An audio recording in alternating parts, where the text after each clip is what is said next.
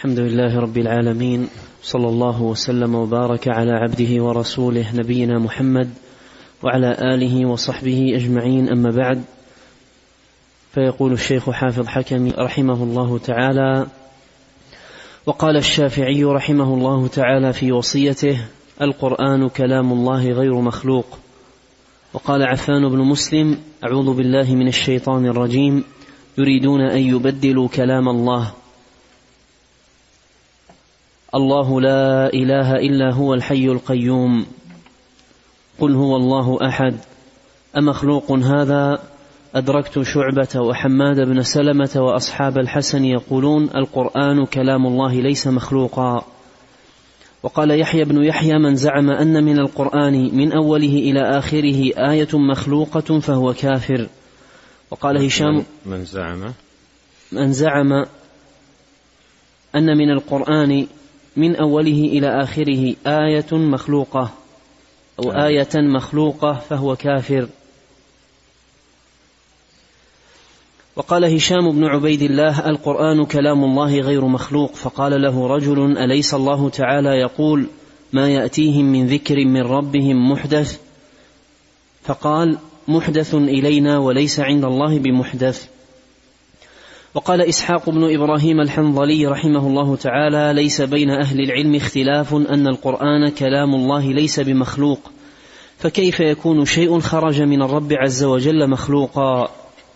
وقال أبو جعفر النفيلي من قال إن القرآن مخلوق فهو كافر فقيل له يا أبا جعفر الكفر كفران كفر نعمة وكفر بالرب عز وجل؟ قال بل كفر بالرب عز وجل.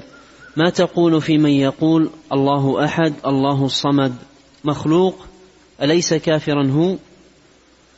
وقال عبد الله بن محمد العيشي يستحيل في صفة الحكيم أن يخلق كلاما يدعي الربوبية يعني قوله تعالى إنني أنا الله وقوله أنا ربك. قال الشيخ رحمه الله تعالى قلت والمعتزلة يقولون إن كلام الله لموسى خلقه في الشجرة فعلى هذا تكون الشجرة هي القائلة إنني أنا الله لا إله إلا أنا فاعبدني. قبحهم الله في الدنيا والآخرة. وقال محمد بن يحيى الذهلي الإيمان قول وعمل يزيد وينقص والقرآن كلام الله غير مخلوق بجميع صفاته وحيث تصرف. نعم. بسم الله الرحمن الرحيم. الحمد لله رب العالمين. وأشهد أن لا إله إلا الله وحده لا شريك له وأشهد أن محمدا عبده ورسوله صلى الله وسلم عليه وعلى آله وأصحابه أجمعين. اللهم علمنا ما ينفعنا وانفعنا بما علمتنا وزدنا علما وأصلح لنا شأننا كله ولا تكلنا إلى أنفسنا طرفة عين.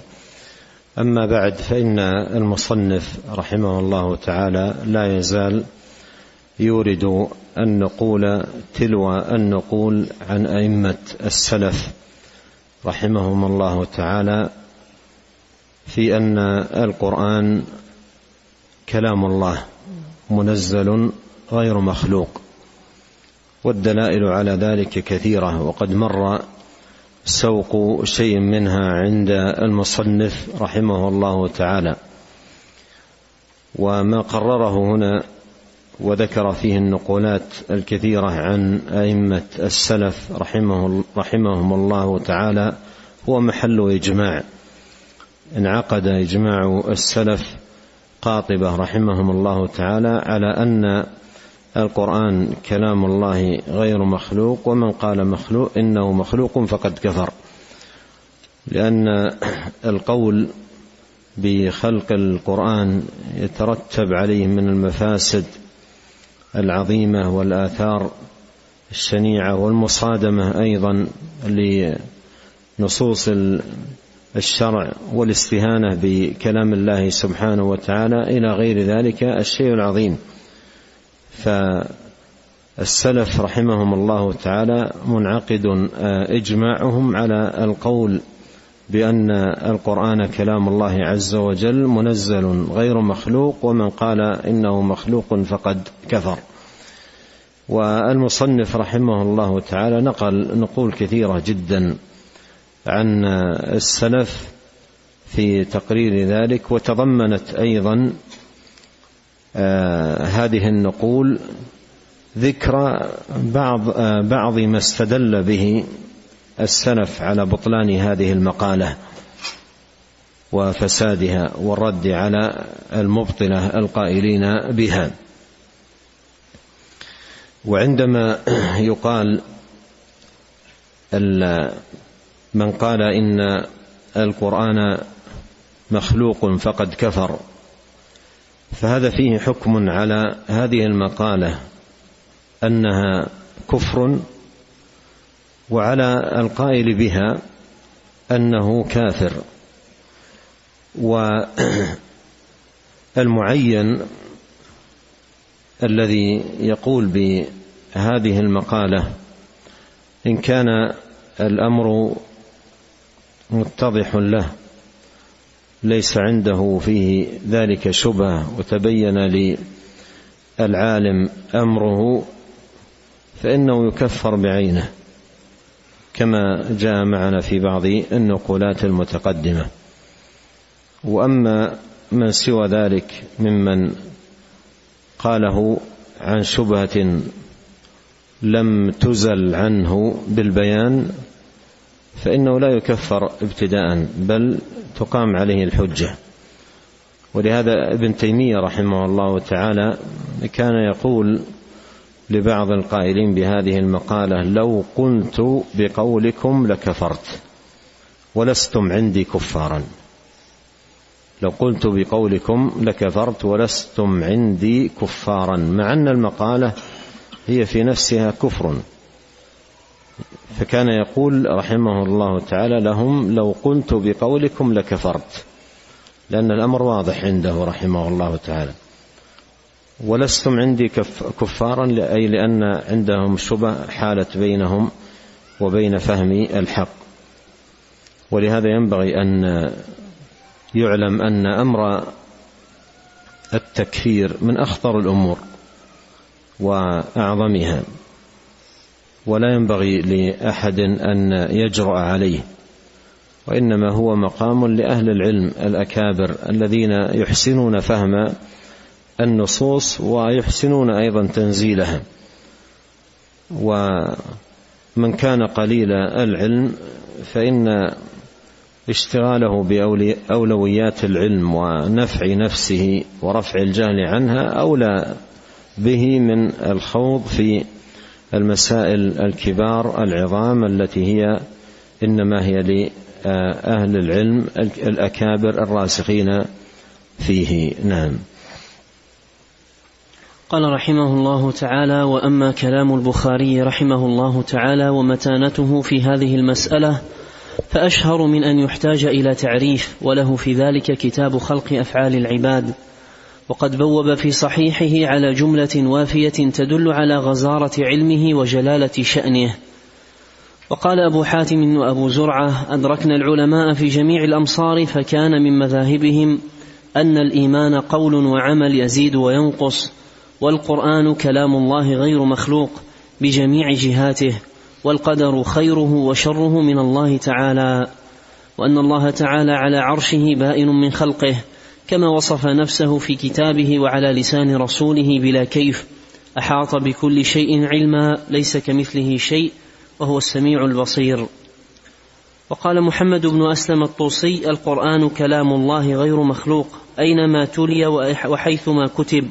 لا يتغير ولا يتحول ولا يتبدل. انتهى من العلو للذهبي آه تقدم في آه في النقول آه ما نقله عن هشام بن عبيد الله. القرآن كلام الله غير مخلوق فقال له رجل أليس الله؟ يقول ما يأتيهم من ذكر من ربهم محدث. ما يأتيهم من ذكر من ربهم محدث. ف آه، قوله سبحانه وتعالى محدث. هذا الحدوث هو في آحاد الكلام أي التجدد. تكلم مثلا في الكتب المنزلة أولا بالتوراة ثم بالإنجيل ثم بالقرآن. في القرآن الكريم أيضا سورة نزلت سورة كذا قبل كذا. ثم بعدها نزلت سورة كذا. هذا هو المراد بالحدوث أي في آحاد الكلام. ولهذا قال العلماء إنه قديم النوع حادث الآحاد. على هذا المعنى. كما ذكر الإمام هشام بن عبيد الله قال محدث إلينا. محدث إلينا. نعم.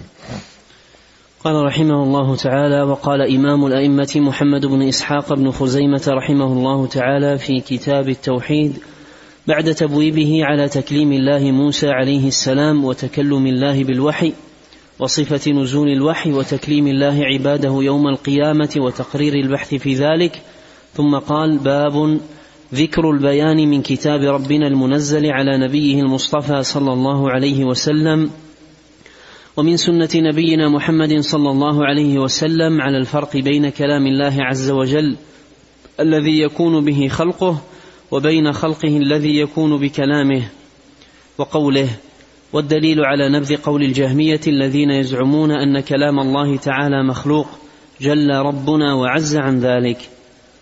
قال الله سبحانه وتعالى ألا له الخلق والأمر تبارك الله رب العالمين. ففرق الله تعالى بين الخلق والأمر الذي به يخلق الخلق بواو الاستئناف وأعلمنا الله جل وعلا في محكم تنزيله أنه يخلق الخلق بكلامه وقول وقوله إنما قولنا لشيء إذا أراد إذا أردناه أن نقول له كن فيكون. أنه أعد ولو ولو ففرق الله بين ففرق الله تعالى بين الخلق والأمر الذي به يخلق الذي به يخلق الخلق بواو الاستئناف. وأعلمنا الله جل وعلا في محكم تنزيله أنه يخلق الخلق بكلامه وقوله إنما قولنا لشيء إذا أردناه أن نقول له كن فيكون. نعم من باب الفائدة فيما سبق أن ذكرته أن الشيخ يكتب من حفظه. الآية عندي هنا إنما أمرنا لشيء إذا أردناه أن نقول له كن فيكون. نعم. قال رحمه الله تعالى فأعلمنا جل وعلا أنه يكون كل مكون من خلقه بقوله كن فيكون وقوله كن هو كلامه الذي به يكون الخلق وكلامه عز وجل الذي به يكون الخلق غير الخلق الذي يكون مكونا بكلامه فافهم ولا تغلط ولا تغالط. ومن عقل عن الله خطابه علم أن الله سبحانه لما أعلم عباده المؤمنين أنه يكون الشيء بقوله كن أن القول الذي هو كن غير غير المكون بكون المكون. غير المكون بكون المقول له كن.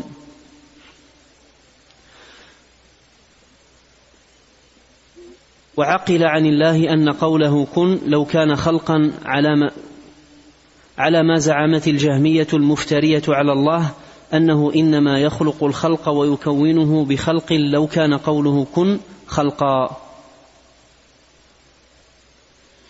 فيقال لهم يا جهلة فالقول الذي يكون به الخلق على زعمك على زعمكم لو كان خلقا بما بما يكونه. أليس قول مقالتكم التي تزعمون أن قوله كن إنما يخلقه بقول قبله وهو عندكم خلقه وذلك القول يخلقه بقول قبله وهو خلق حتى يصير إلى ما لا غاية له ولا عدد ولا أول. وفي هذا إبطال تكوين الخلق وإنشاء البرية وإحداث ما لم يكن قبل بإحداث الله الشيء ونشئه. وهذا قول بحدث بحدث الله الشيء ونشئه. نعم. وهذا قول لا يتوهمه ذو لب لو تفكر فيه ووفق لإدراك الصواب والرشاد. قال الله سبحانه وتعالى والشمس والقمر والنجوم مسخرات بأمره. فهل يتوهم مسلم أن الله تعالى سخر الشمس والقمر والنجوم مسخرات بخلقه؟ أليس مفهوما عند من يعقل عن الله خطابه أن الأمر الذي سخر به غير المسخر بالأمر وأن القول غير المقول له؟ فتفهموا يا ذوي الحجى عن الله عن الله خطابه. وعن النبي المصطفى صلى الله عليه وسلم بيانه لا تصدوا عن سواء السبيل فتضلوا كما ضلت الجهمية عليهم لعائن الله فاسمعوا الآن الدليل الواضح البين غير المشكل من سنة النبي صلى الله عليه وسلم بنقل العدل عن العدل موصولا إليه على فرق على فرق بين خلق الله وبين كلام الله تعالى. لما ذكر الدليل من القرآن والآية التي ذكرها تعد أصلا في هذا الباب في تقرير قول أهل السنة وإبطال مقالة الجهمية ألا وهي قول الله عز وجل ألا له الخلق والأمر. ألا له الخلق والأمر. هذه الآية تعد أصلا في تقرير قول أهل السنة وأيضا إبطال مقالة الجهمية لأن الجهمية جعلوا الشيئين شيئا واحدا والله فرق بينهما. الله عز وجل فرق بينهما الخلق والأمر. ألا له الخلق والأمر. الأمر شيء والخلق شيء. والإمام بن خزيمة شرح ووضح الفرق بينهما توضيحا بينا ظاهرا جليا. والجهمية جعلوا هذين شيئا واحدا. جعلوهما شيئا واحدا. فلما ذكر رحمه الله هذا الدليل البين أتبعه بدليل من السنة. نعم.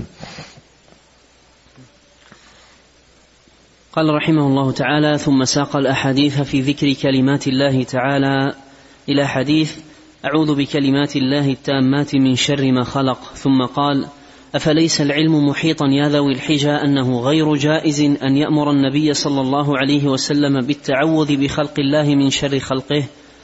هل نعم وبهذا الحديث والمعنى الذي ذكره المصنف احتج جمع من الأئمة منهم أحمد وغيره لأن الأحاديث الكثيرة التي فيها التعوذ بكلمات الله هذه دليل بين على أن كلمات الله ليست مخلوقة كما يقول الجهمية لأنه لا يتعوذ بمخلوق.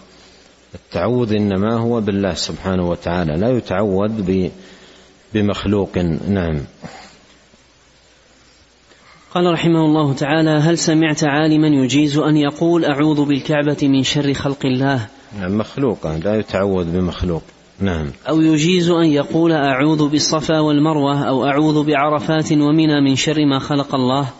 هذا لا يقوله ولا يجيزه هذا لا يقوله ولا يجيز القول به مسلم يعرف دين الله. نعم لأن تعود هذا التجاء واعتصام. فلا يستعاذ إلا بالله ولا يلتجأ إلا إلى الله عز وجل. نعم. محال أن يستعيذ مسلم بخلق الله من شر خلقه ثم ساق بحثا طويلا فليراجع منه. وقال أبو معاوية بن خازم الضرير رحمه الله تعالى الكلام فيه بدعة وضلالة. ما تكلم فيه النبي صلى الله عليه وسلم ولا الصحابة رضي الله عنهم ولا التابعون ولا الصالحون رحمهم الله تعالى يعني قول القرآن مخلوق. وذكر عند أبي نعيم وهو الفضل بن دكين من يقول القرآن مخلوق فقال والله والله ما سمعت بشيء من هذا حتى خرج ذاك الخبيث جهم. نعم يعني مقالة لا وجود لها أصلا وإنما نشأت على يد هذا الرجل. نعم. قال وكلام أئمة السنة في هذا الباب يطول ذكره ولو أردنا استيعابه لطال الفصل وقد تكرر نقل الإجماع منهم على إثبات ما أثبت الله عز وجل لنفسه وأثبته رسوله صلى الله عليه وسلم والصحابة فمن بعدهم. ونفي التكييف عنها لا سيما في مسألة العلو وفي هذه المسألة مسألة القرآن وتكريم الله تعالى موسى. لأنها أول ما جحده الزنادقة قبحهم الله تعالى.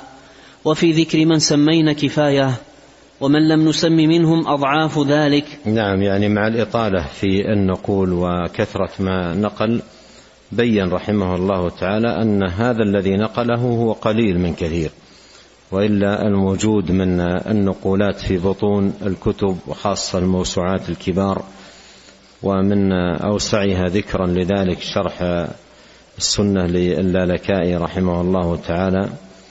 فالنقول فيها أضعاف ما ما ذكر كما ومن لم نسم منهم أضعاف ذلك. نعم.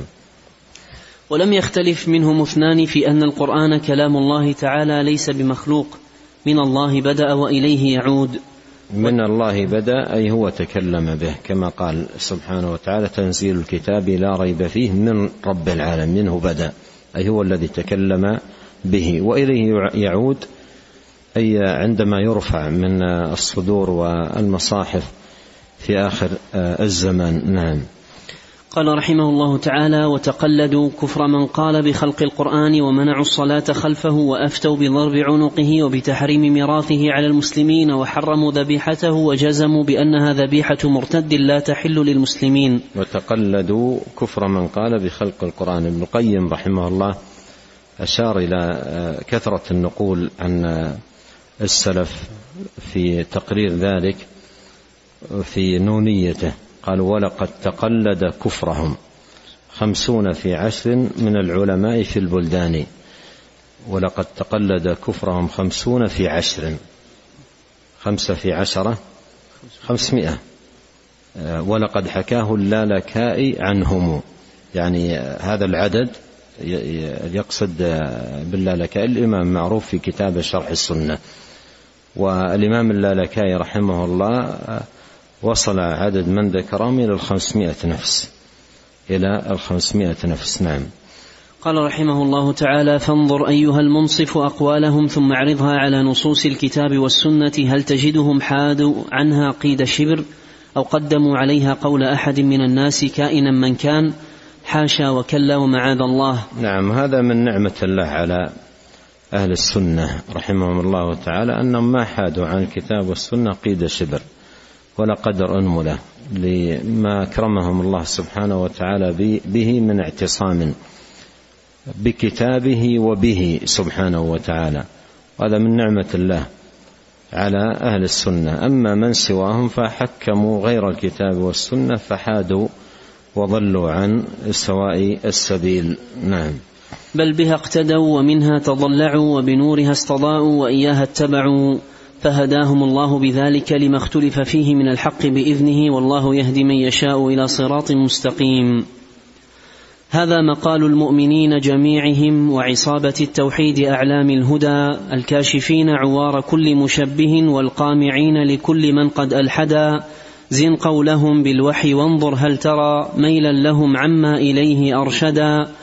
حشاهم عن ان يميلوا خطوه عما اليه الله اياهم هدى بل اثبتوا لله ما قد اثبتت اي الكتاب وكل نص اسندا ومن النفاة تبرأوا وكذاك من قول الممثل إذ تغالى واعتدى ومن النفاة تبرأوا وكذا من قول الممثل إذ تغالى واعتدى يعني أن أهل السنة كما عندهم من لزوم الحق والاعتصام به والتمسك به تبرأوا من آه، هذه الأهواء ومن أهلها. يقول رحمة الله عليه في الجوهرة في بيت جميل يقرر هذا المعنى يقول إني براء من الأهوى وما ولدت ووالديها الحيارى ساء ما ولدوا. هذا بيت عظيم جدا في التبرع من الأهواء وما تولد من الأهواء ومن حملة آه، الأهواء. إني براء من الاهوى وما ولدت. إني براء من الأهوى وما ولدت. ووالديها. نعم ووالديها. نعم. قال رحمه الله تعالى جعلوا إمامهم الكتاب وسنة المختار يا طوبى لمن به مهتدى. ولذاك أعلى الله جل منارهم والملحدون بناءهم قد هددا وأتم نورهم الإله وغيرهم في ظلمة إذ لم يكن به مقتدى يا رب ألحقنا بهم واجعل لنا نورا نميز به الضلال من الهدى. وقضى السلف الصالح رحمهم الله تعالى على الطائفة الواقفة وهم القائلون لا نقول القرآن مخلوق. ولذا ولذاك أعلى الله جل منارهم والملحدون بناءهم قد هددا فأتى الله بنيانهم من القواعد. نعم. قال رحمه الله تعالى وقضى السلف الصالح رحمهم الله تعالى على الطائفة الواقفة وهم القائلون لا نقول القرآن مخلوق ولا غير مخلوق. بأن من كان منهم يحسن الكلام فهو جهمي ومن لم يحسن الكلام منهم بل علم أنه كان جاهلا جهلا بسيطا فهو تقام عليه الحجة وبالبيان والبرهان. نعم هذا ما سبق بيانه يعني من يقول بهذه المقالة على قسمين. قسم جهمي يعني ممن كفر السلف بعينه لقيام الحجة أو لثبوت قيام الحج الحجة عندهم عليه. وآخر يصفه الشيخ من كان منهم يحسن الكلام فهو جهمي ومن لا يحسن الكلام منهم بل علم أنه كان جاهلا جهلا بسيطا فهو تقام عليه الحجة. فهو تقام عليه الحجة. وهذا مقام مقام دحض يعني لا لا يتسرع فيه وإنما ينظر فيه في قواعد أهل العلم وتفصيلاتهم في في هذه المسألة. نعم. قال رحمه الله تعالى فإن تاب وآمن أنه كلام الله تعالى وإلا فهو شر من الجهمية. وسيأتي إن شاء الله الكلام على اللفظية قريبا وسنذكر إن شاء الله تعالى في آخر الفصل سائر الفرق المخالفين للسنة في القرآن وغيره من الصفات. لأننا أحببنا تجريد مذهب أهل السنة على حدته لقصد التيسير وبالله التوفيق. نعم يعني يقصد أن صدر الكتاب كله في التأصيل. والمقالات المنحرفة سيذكرها لاحقا ويبين ما فيها من مخالفات للحق وسبيل الحق. ونسأل الله عز وجل أن يلهمنا أجمعين الصواب وأن يجنبنا الزلل وأن يصلح لنا القول والعمل وأن يغفر لنا ولوالدينا ولمشايخنا ولولاة أمرنا وللمسلمين والمسلمات والمؤمنين والمؤمنات الأحياء منهم والأموات.